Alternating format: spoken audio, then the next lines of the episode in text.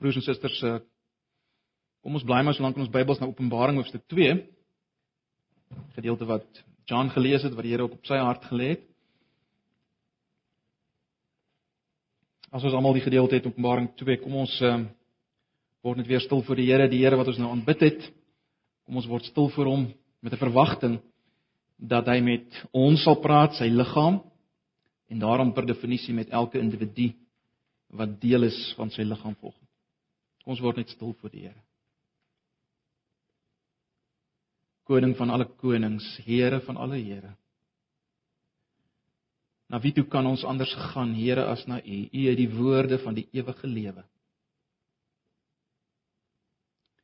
U is die begin en U is die einde, U is die alfa en die omega. U is die een wat is en wat was en weer sal kom. Die een voor wie elke knie sal buig en elke tong sal bely dat U die Here is.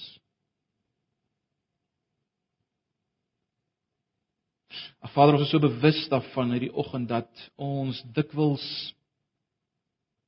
so onnadenkend omgaan met U self, met U woord, met die waarhede En ons het U nodig. Ons het die Heilige Gees nodig vir oggend om dit wat ons hoor vir ons 'n werklikheid te maak. En daarom pleit ons U, kom praat met ons deur die Gees. Kom neem ons gedagtes nou gevange tot gehoorsaamheid. Bewaar ons in hierdie oggend van die aanslag van die bose op ons denke. En wil jy met elkeen van ons praat van die jongste tot die oudste by hierdie oggend van herbesinning en hertoewyding. Asseblief Here, ons vra dit in Jesus se naam. Amen.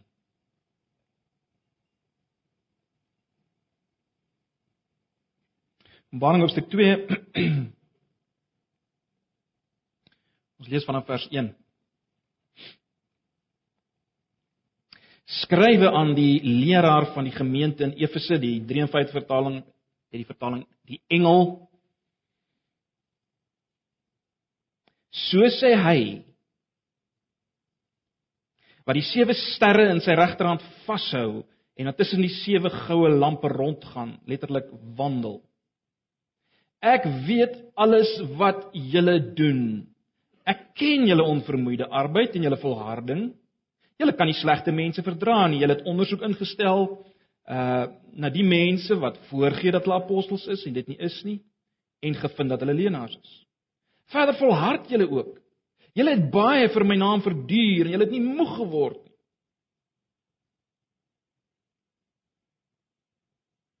Maar ek het dit teen julle. Julle het my nie meer so lief soos in die begin nie. Letterlik net julle het julle eerste liefde verlaat. Dis alras staan. Dink daaraan hoe ver julle al agteruit gegaan het. Bekeer julle en doen weer wat julle aan die begin gedoen het anders. As julle nie bekeer nie, kom ek na julle toe en ek sal julle lamp van sy plek af wegvat. Maar dit het julle daarom in julle guns julle verafskie wat die Nikolaïte doen, net soos ek dit ook verafskie. Elkeen wat kan hoor, moet luister na wat die Gees vir die gemeente sê. Aan elkeen wat die oorwinning behaal, sal ek te eet gee van die boom van die lewe wat in die paradys van God is.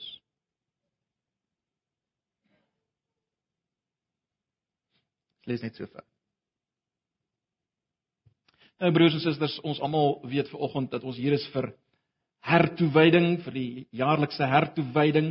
En ek dink ten minste het ons almal min of meer 'n va idee waaroor dit gaan. Ek gaan myself weer verbind uh tot Antipas as 'n plaaslike vergestalting van die liggaam van Jesus Christus. Ek dink in Hebreë is ons almal daarvan bewus. Maar ek dink tog dis goed as ons ver oggend voor ons die nagmaal gaan vier, gaan aan sit aan die tafel. Ek dink dit is tog goed dat ons uh drie vrae vir onsself net weer sal beantwoord.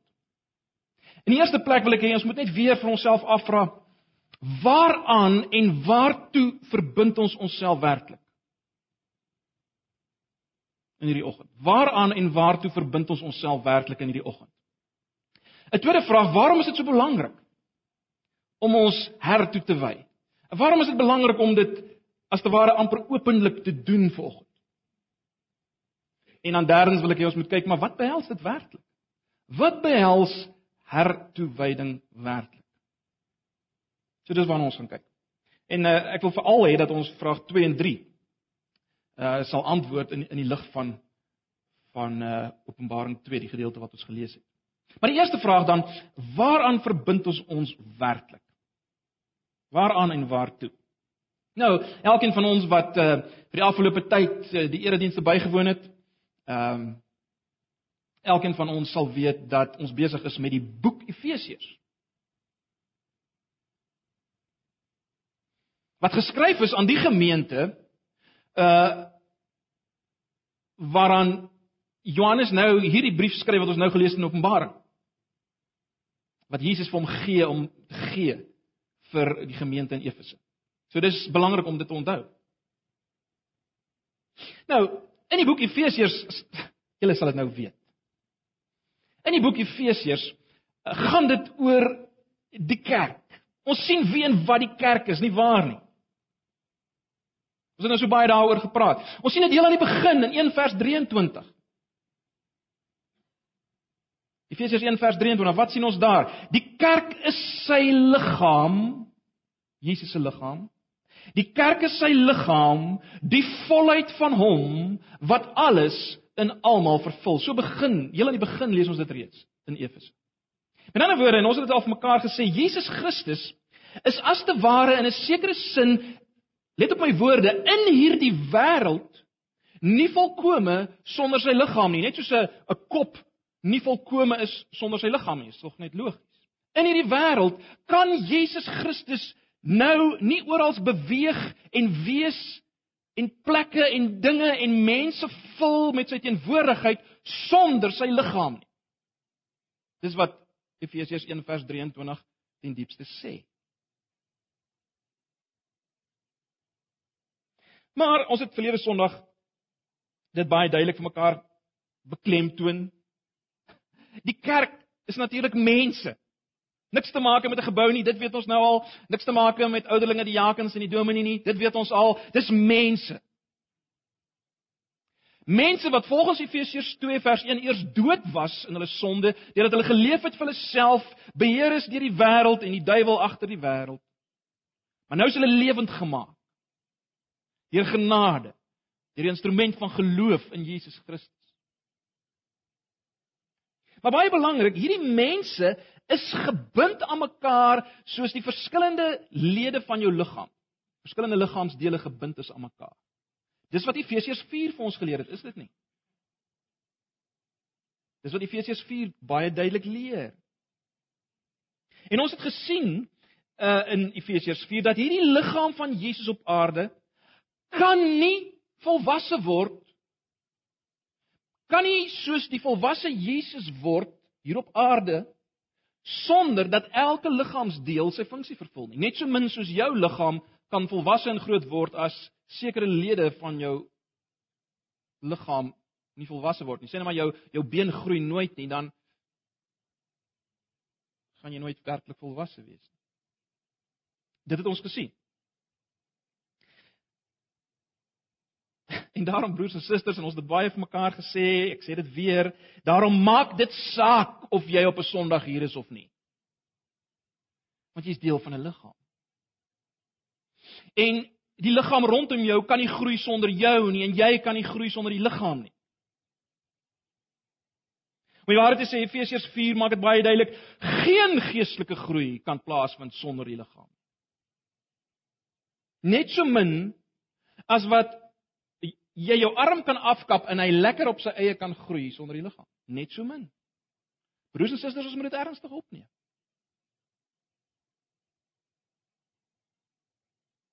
Wanneer liggaamsdele op hulle eie funksioneer, nie deel is van die liggaam nie, dan sit jy met 'n gebreklike liggaam, 'n mank liggaam, siek liggaam.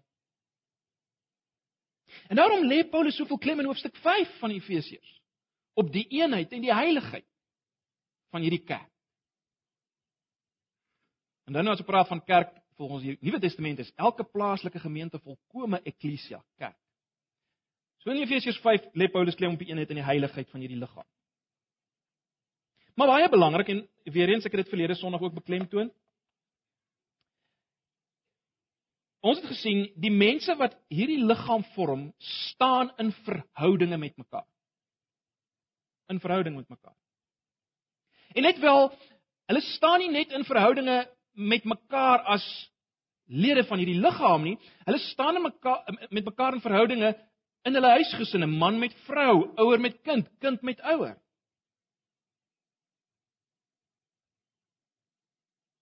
Natuurlik in die eerste plek in 'n verhouding met die hoof van die liggaam, Jesus. Maar dan in verhoudinge met mekaar, maar ook binne gesinsverband wat weer die die liggaam vorm, né? Nee. En nou, baie belangrik, vir die oog op vanoggend. Broers en susters, wat is die gom as jy wil? Wat is die gom wat alles aan mekaar bind? Waarsonder die liggaam nie kan bestaan en nie kan funksioneer in hierdie verhoudings nie. Geen verhoudings kan funksioneer sonder hierdie gom nie.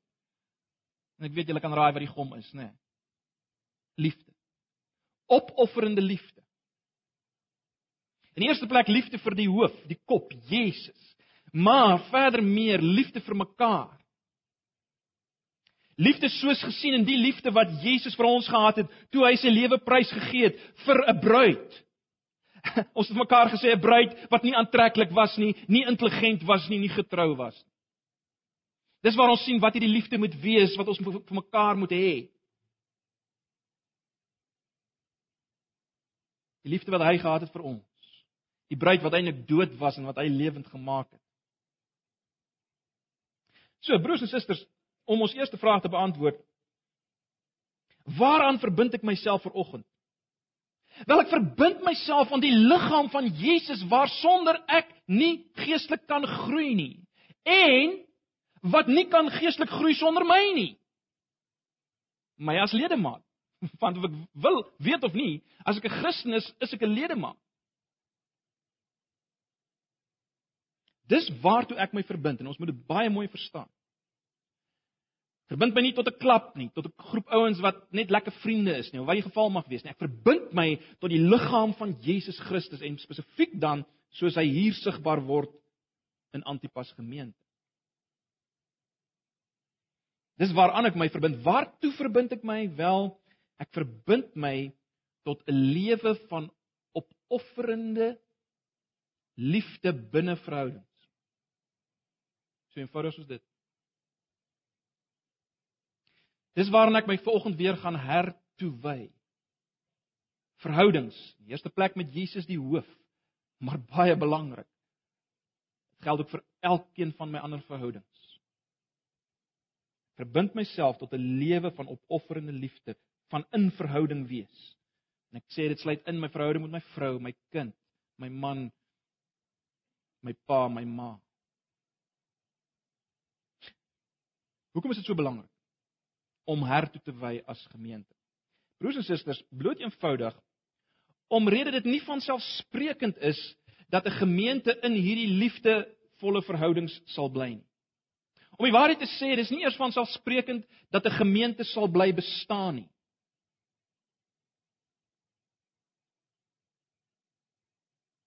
Selfs nie 'n gemeente wat alles weet wat daar geweet moet word rondom verhouding wees. En wat dit in 'n mate beleef het op 'n sekere tydstip, tydstip nie. Daar's geen van selfsprekendheid dat so 'n gemeente sal aangaan hiermee nie. En die gemeente in Efese, broers en susters, is die bewys daarvan. Die boek waarmee ons nou besig was, die gemeente aan Efese. Bewys dit. Tydens Paulus se eerste gevangenskap, so 60 tot 63 na Christus, uh skryf Paulus die boek waarmee ons nou besig was en nog steeds is, uh skryf hy vanuit Rome. En dit is baie interessant in daardie brief prys Paulus die gemeente aan vir hulle liefde, byvoorbeeld in hoofstuk 1 vers 15. Hulle word gekenmerk deur liefde. En julle sal ag julle weet nou wat ons alles al gesien het in Efesiërs. In die gedeelte in Openbaring 2 wat ons gelees het, skryf Johannes vir ons dit wat Jesus sê oor hierdie gemeente en dis wonderlike dinge. Die opgestane Jesus prys hulle vir hulle arbeid. Hulle het gewerk vir die Here en die hele gedagte hier is dat hulle ge, gewerk het tot die punt van uitputting. Dis wat in die, in die oorspronklike woord ook daar lê. Uh die nuwe vertaling sê uh en jy het nie moeg geword nie en so meer.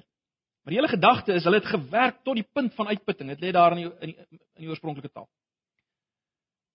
Het hard gewerk vir die Here. Wat dit ook al mag alles gewees het. So Jesus prys hulle daarvoor, die opgestane Jesus. Hy prys hulle ook vir hulle standvaste volharding. Hulle het volhard. Hulle het nie net hard gewerk nie, hulle het volhard daarin. Ehm um, hulle het nie net vasgebyt nie. Hulle het volhardend voortgegaan om met vreugde die Here te dien tot op 'n punt.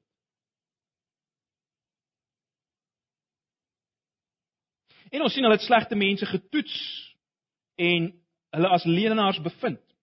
Daar was 'n gevaar van moralisme daar en en daar was 'n gevaar van losbandigheid aan die ander kant en en uh dit het die gemeente bedreig en hulle het opgetree uh, hier teenoor heeltemal reg. Dis natuurlik wat 'n gemeente moet doen. Maar broers en susters, dan kom die opgestane Jesus en en ons ken hierdie uitspraak in in Hoofstuk 2 vers 4. Dan gee die opgestane Jesus, die die een wat Johannes sien daar vanaf hoofstuk 1 vers 10 af, geweldig die die beeld van Jesus wat daar beskryf word. Dan kom hierdie Jesus en hy sê dit het ek teen jou. Ek het iets teen jou. Ek het iets teen jou. Jy het jou eerste liefde verlaat. Dis letterlik wat Jesus sê. Jy het jou eerste liefde verlaat. Nou die nuwe vertaling vertaal dit met jy het my nie meer so lief uh soos vroeër nie. Maar ek dink tog ons moet werk met die meer letterlike want dis, ek dink is meer omvattend, né? Nee. Uh Ek dink waar dit hier gaan is liefde nie net vir Jesus nie, maar ook vir sy liggaam.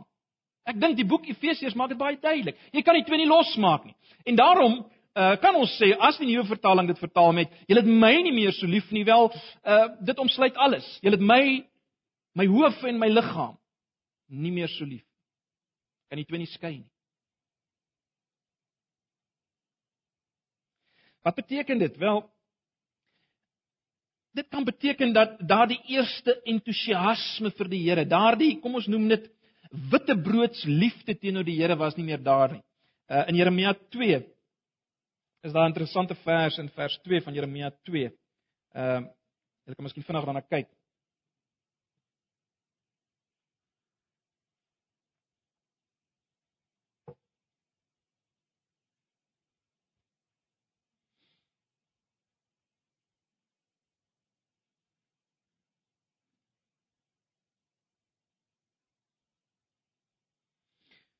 sê die Here vir die volk Hy sê in vers 2 gaan roep hierdie woorde uit sodat elkeen in Jerusalem dit kan hoor. So sê die Here: Ek onthou nog hoe getrou jy aan my was in jou jeug, hoe lief jy my gehad het toe jy my bruid geword het, toe jy my in die woestyn ingevolg het in 'n wêreld waar niks geplant word nie. En met ander woorde, die Here kyk terug en hy sê daar was 'n tyd toe jy my so lief gehad het. Jy het my gevolg in die woestyn en waar daar niks anders was nie. Jy het net aan my vasgehou. Jy was net vir my lief. Niks anders het jou weggetrek van my af.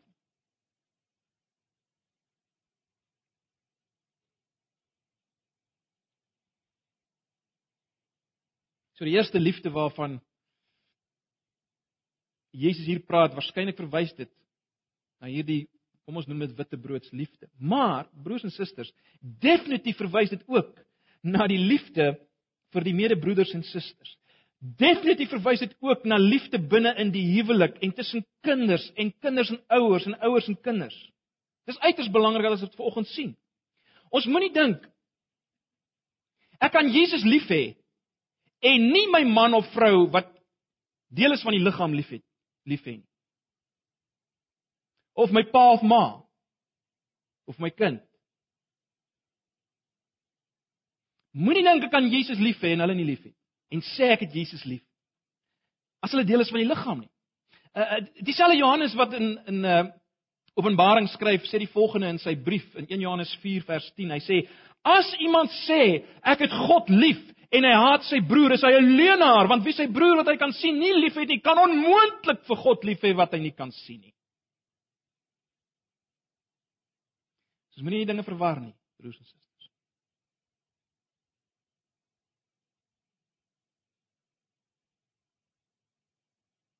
Wat is verkeerd geloop in Efese? Wat is verkeerd geloop? Mense kan spekuleer daaroor. Uh mense kan sê wel hulle het te veel soort van ketterjagters geword, né? Nee, hulle het net elke al die foute uitgewys van die dwaalleraars en en en, en totaal uh kan ek dit stel? Ja, ek ek ek het nie 'n beter beter woord as 'n ketterjagter word nie. Mens kry dit vandag nog ouens wat net net daar is om hulle hulle hele bestaan is daar om foute van ander ouens uit te lig. Hulle hulle sien nie raak hoe liefdeloos hulle self is nie, maar hulle wys al die dwaal leraars van die dag uit, maar hulle self het nie 'n snars liefde nie. Dit dit dit kon gebeur het hier in Efese. Ons weet nie. Daar's 'n aanleiding daar. Of hulle kon net rigied raak rigiede ortodoksie. Met ander woorde, klem lê op ons moet reg glo. Elke T moet gekruis wees. Ons moet reg dink oor hierdie saak en oor hierdie leerstelling.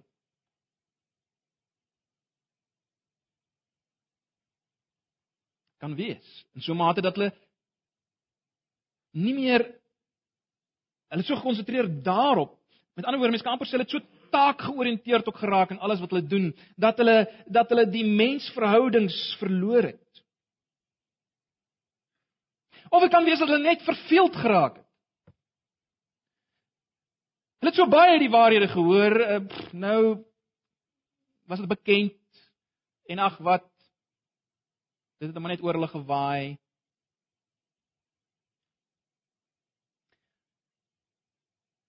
Nog 'n waarskynlik groter moontlikheid broers en susters is dat hulle nie meer gebid het nie. Uh tydens ons gebedsweek het ek uh, dit genoem vir die groep wat hier gebid het. Dis baie interessant. Uh die gebede in Efes uh in uh, in die boek Efesiërs self in hoofstuk 1 en, en weer later.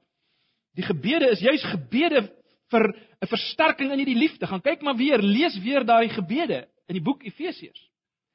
En en daarom as hierdie liefde verdwyn het, is een van die redes waarskynlik omdat hulle nie meer gebid het nie. Hulle het nie meer vir mekaar gebid oor hierdie liefde nie.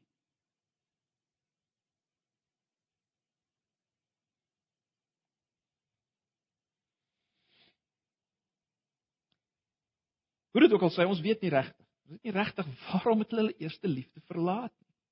Maar wat ons wel weet, broers en susters, is dit. Ons weet dat Paulus ag eh, Johannes uiteindelik uh gedurende die regering van Domitianus so 81 tot 96 96 na Christus is hy verban na die eiland Patmos en van daar af uh skryf hy hy uiteindelik weet ons is hy het hy gesterf is hy vrygelaat en het gesterf onder Trajanus se regering. Maak nie saak nie. Die punt is hy skryf in hierdie tyd aan die gemeente aan Efese. Uh wat op daai stadium so 40 jaar oud was. Vandag weet ons is daar geen kerk meer in Efese. Daar's net 'n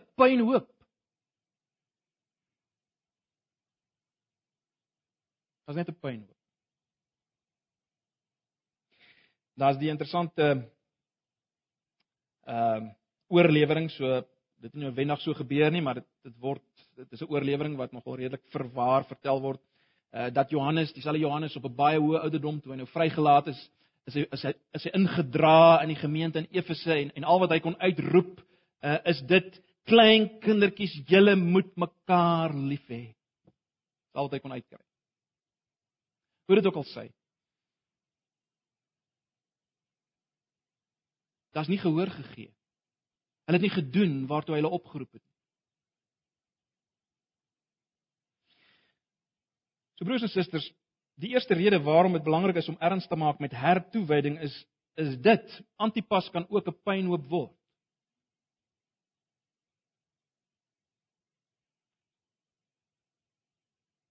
Meer nog, ons kandelaar ons lamp kan verwyder word. sien julle dit in Openbaring 2? Ek het my plekkie verloor.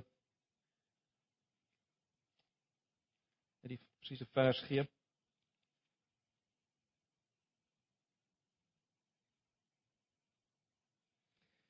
Dan vers 5. Anders as julle nie bekeer nie, kom ek na julle toe en sal julle lamp van sy plek af wegvat. Dan word 'n gemeente se lamp se lig kan verwyder word. Uh terloops. Dit beteken nie eh, dat elke individu in die gemeente verlore kan gaan nie. Dis nie wat hier staan nie.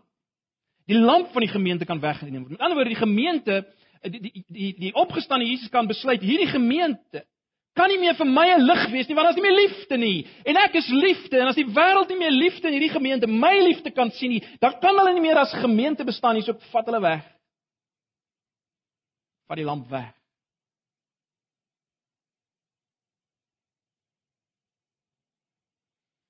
En daarom 'n plaaslike gemeente kan verdwyn.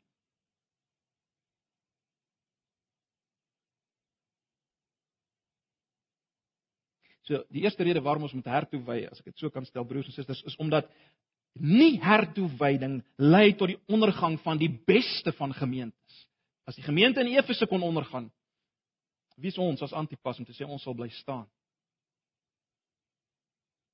Die tweede rede en dis waarskynlik 'n belangrike rede. Die tweede rede waarom ons moet hertoewy is as gevolg van die een met wie ons te doen het.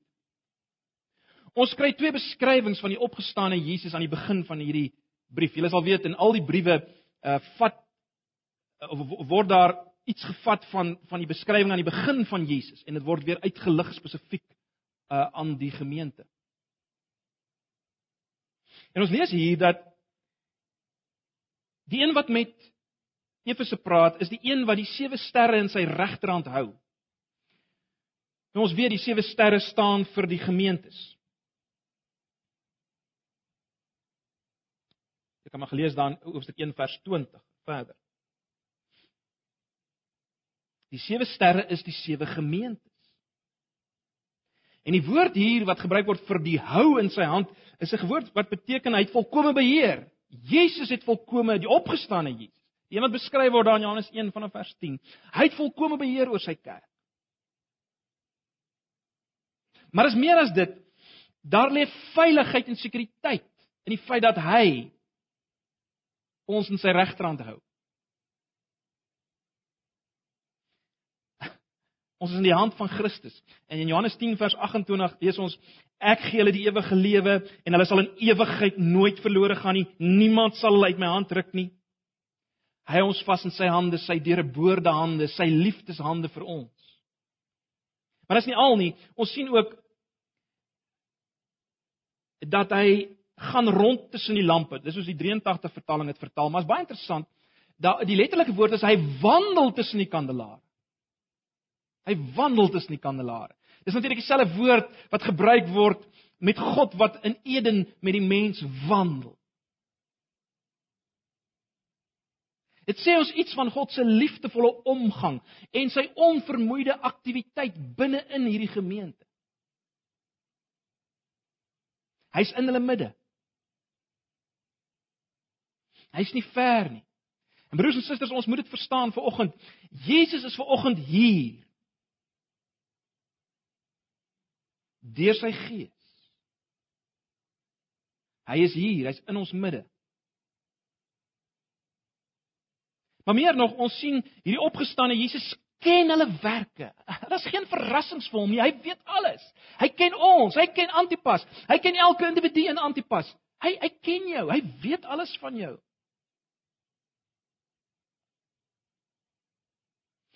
En nou is die vraag: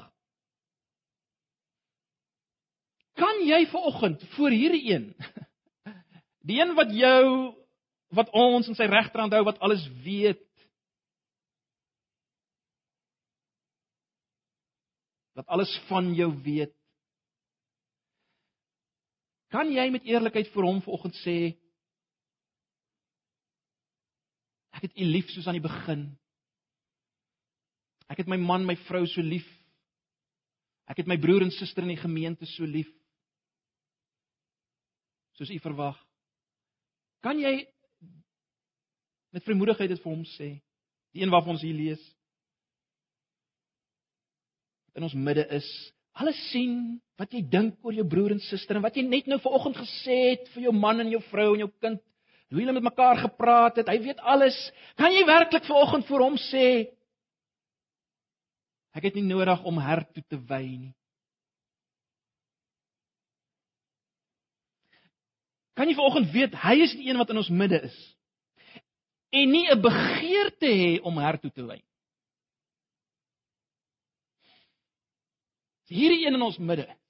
Hoe kan jy nie 'n begeerte hê om jouself hertoe te wy nie? Of anders gestel, kan jy volgens sê ek het nie nodig om my hertoe te wy nie? Dit bring ons by die derde vraag. Wat behels hertoe wy?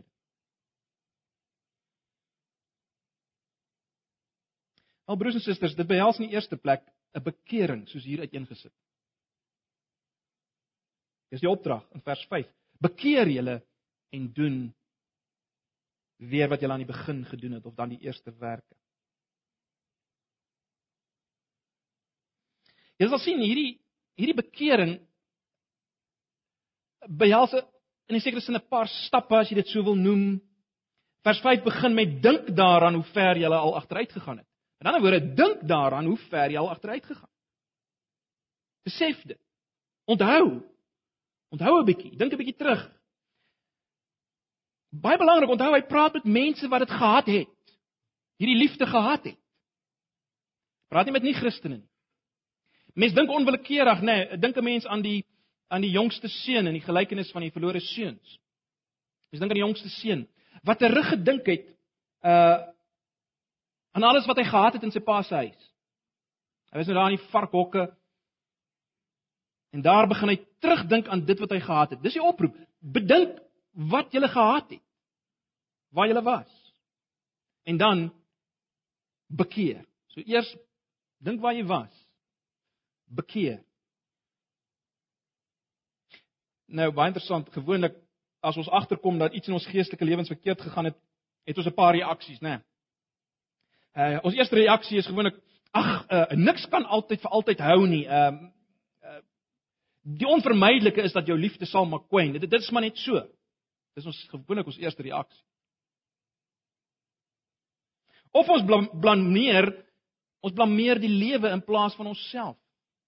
Ek blameer my omstandighede. Weet julle hoe besig is ek? Ek het nog tyd om hierdie liefde storie nie. Of ken julle my vrou? Ken julle my man? Ken julle my omstandighede? So ons blameer enigiets anders as onsself.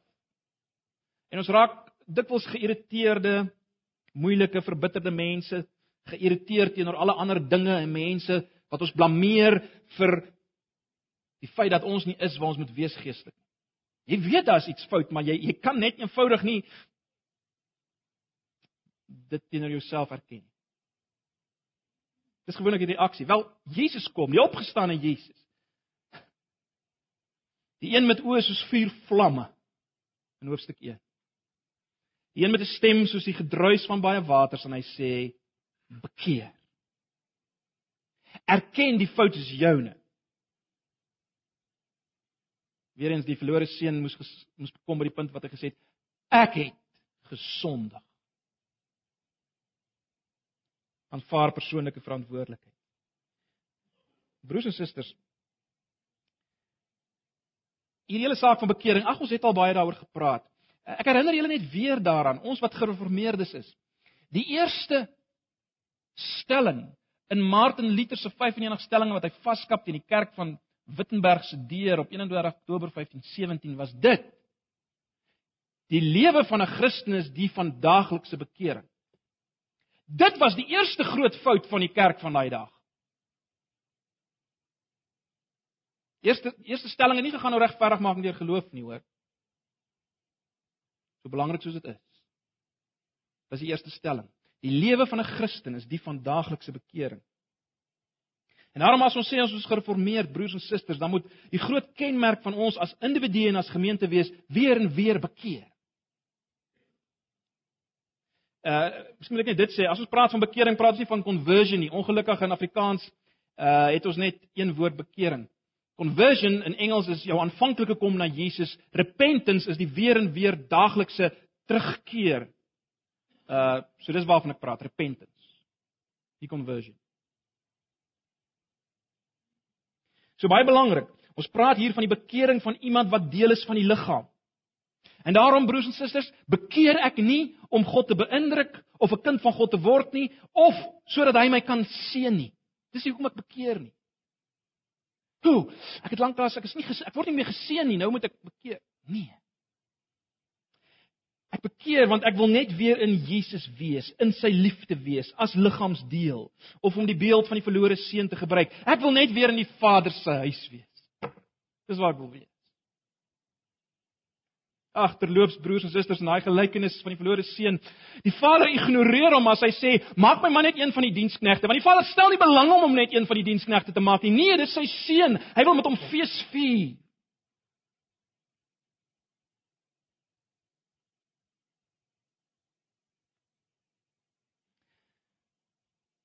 Verder belangrik broers en susters as ons praat van bekering, ek hoef nie te bekeer om vir my sonde te versoen nie. Met ander woorde, ek hoef myself nie weer te kastei en te pynig en en miserabel te voel deur my bekering sodat ek kan dink, "Sjoe, God sien hom seker hoe sleg voel ek nou en hoe miserabel is ek." Uh uh, uh, uh hy sal beïndruk wees daarmee, hy sal my aanneem. Nee. Dis nie die bekering waarvan ons praat nie. Ons bekering vanoggend is omrede ons God bedroef het, hartseer gemaak. Dis hoekom ons bekeer. Omdat ons Jesus bedroef het, die een wat homself vir ons opgeoffer het. Omdat dit oneer op sy naam bring. Daar's reeds geen veroordeling vir my nie. Ek bekeer nie sodat daar nie veroordeling vir my hoef te wees nie.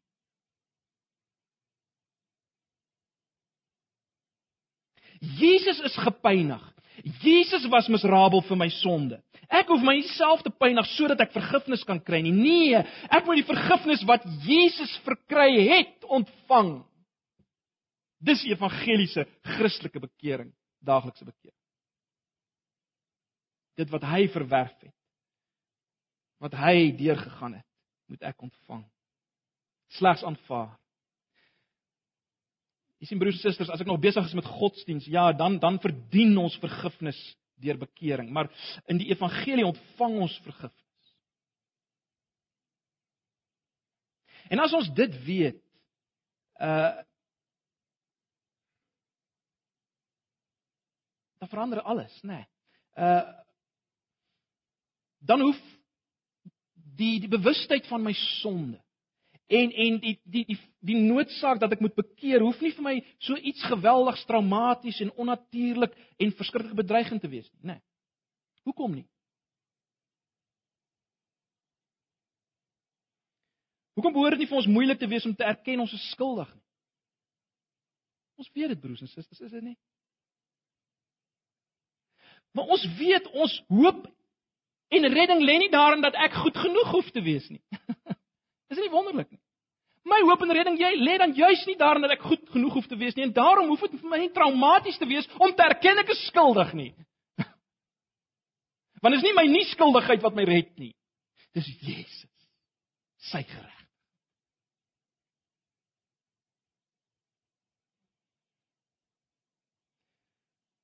En dit behoort vir ons maklik te wees broers en susters om te erken dat ons misluk het en gefaal het want ons weet dat hy gaan ons nie verwerp as hy dit weet. Weereens, my hoop is in sy geregtigheid. Sy lewe in my plek is nie lê nie in my lewe nie en dit gee my vrymoedigheid. En daarom ons kan ook weer en weer bekeer, nê? Want hoe meer jy jou swakhede en tekortkominge en sondes sien, hoe meer kosbaar en kragtig en verstommend is God se genade vir jou. En aan die ander kant, hoe meer jy bewus raak van God se genade en sy aanvaarding vir jou, wel, hoe meer is jy in staat om al jou selfverdediging Al die selfverdediging wat alreeds ver oggend in jou opgebou het te laat vaar. Jy kan dit laat vaar. En jy kan die ware dimensie van jou sonde erken en die ware dimensie broers en susters is egbreek.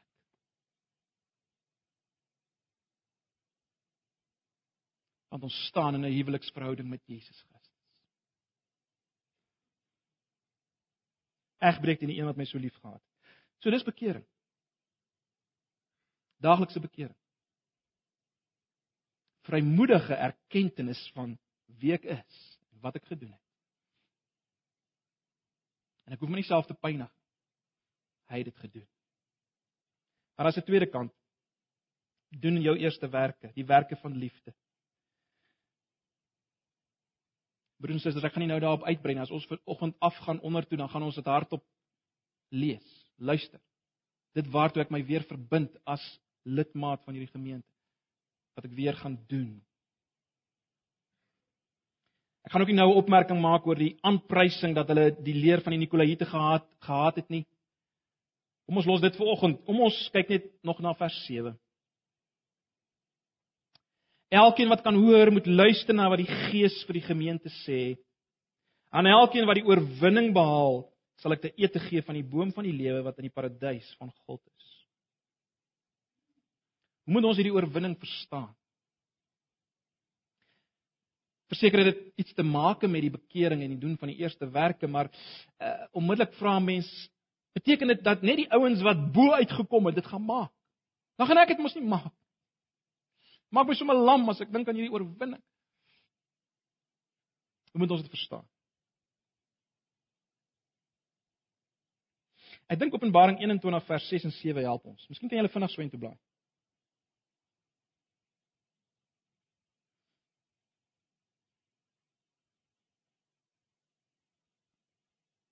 Openbaring 21 vers 6 en 7.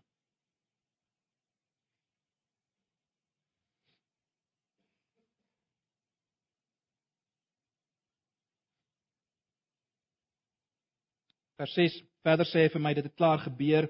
Ek is die Alfa en die Omega, die begin en die einde. Aan elkeen wat dors het, sal ek te drinke gee die fontein met die water van die lewe verniet. En dan vers 7. Elkeen wat die oorwinning behaal, sal dit alles kry en ek sal sy God wees en hy sal my seun wees. So wat sien ons? Ons sien in Openbaring 2, die gedeelte waar waar ons vanoggend gekyk het, sien ons dat die wat oorwin sal deel kry van die boom van die lewe.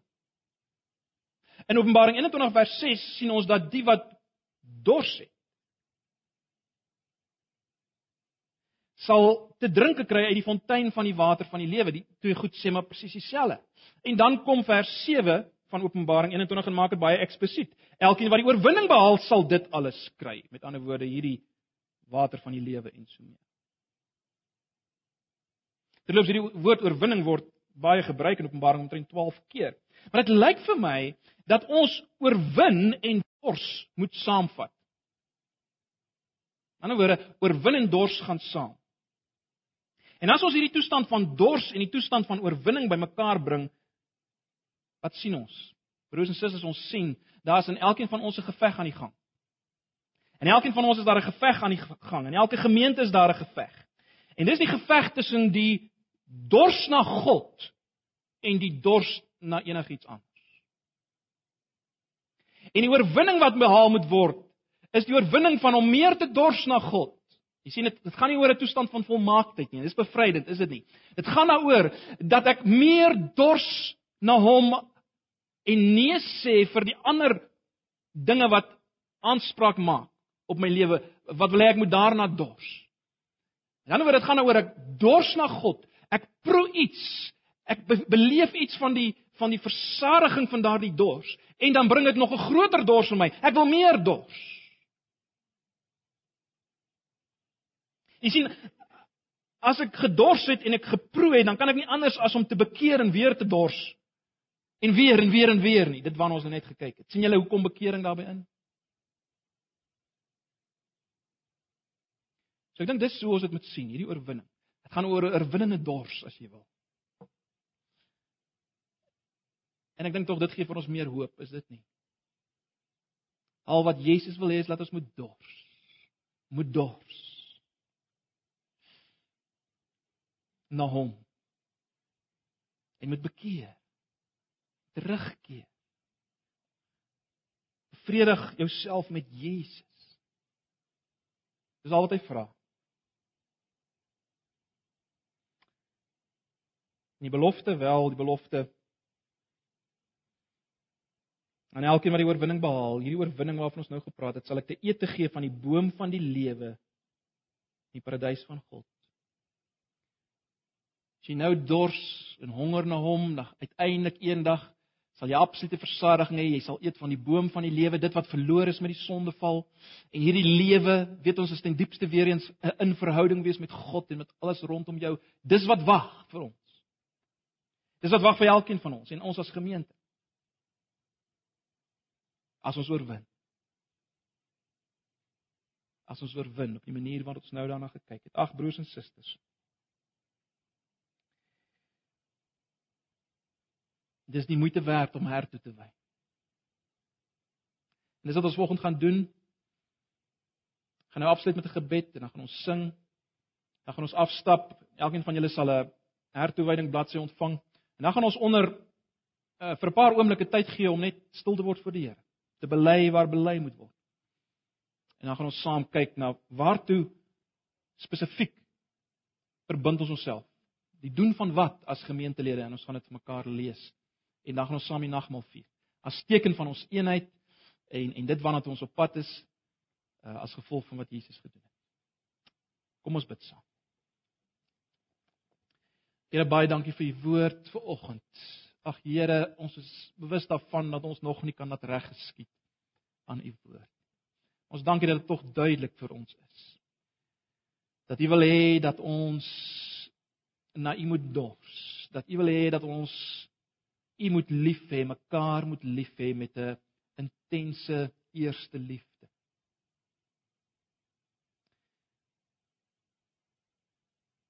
Here ons bely en ons erken dat ons is nie daar nie.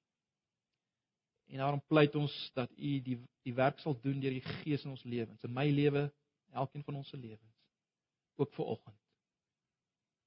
Wees werksaam, Here. Ag, ten spyte van wat ons is, wees in ons midde. Ons vra dit in Jesus se naam. Oortuig bring tot by die punt van bekering.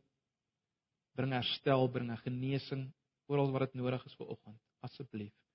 Ons vra dit in Jesus se naam. Amen. Lukas kom ons sluit af met laaste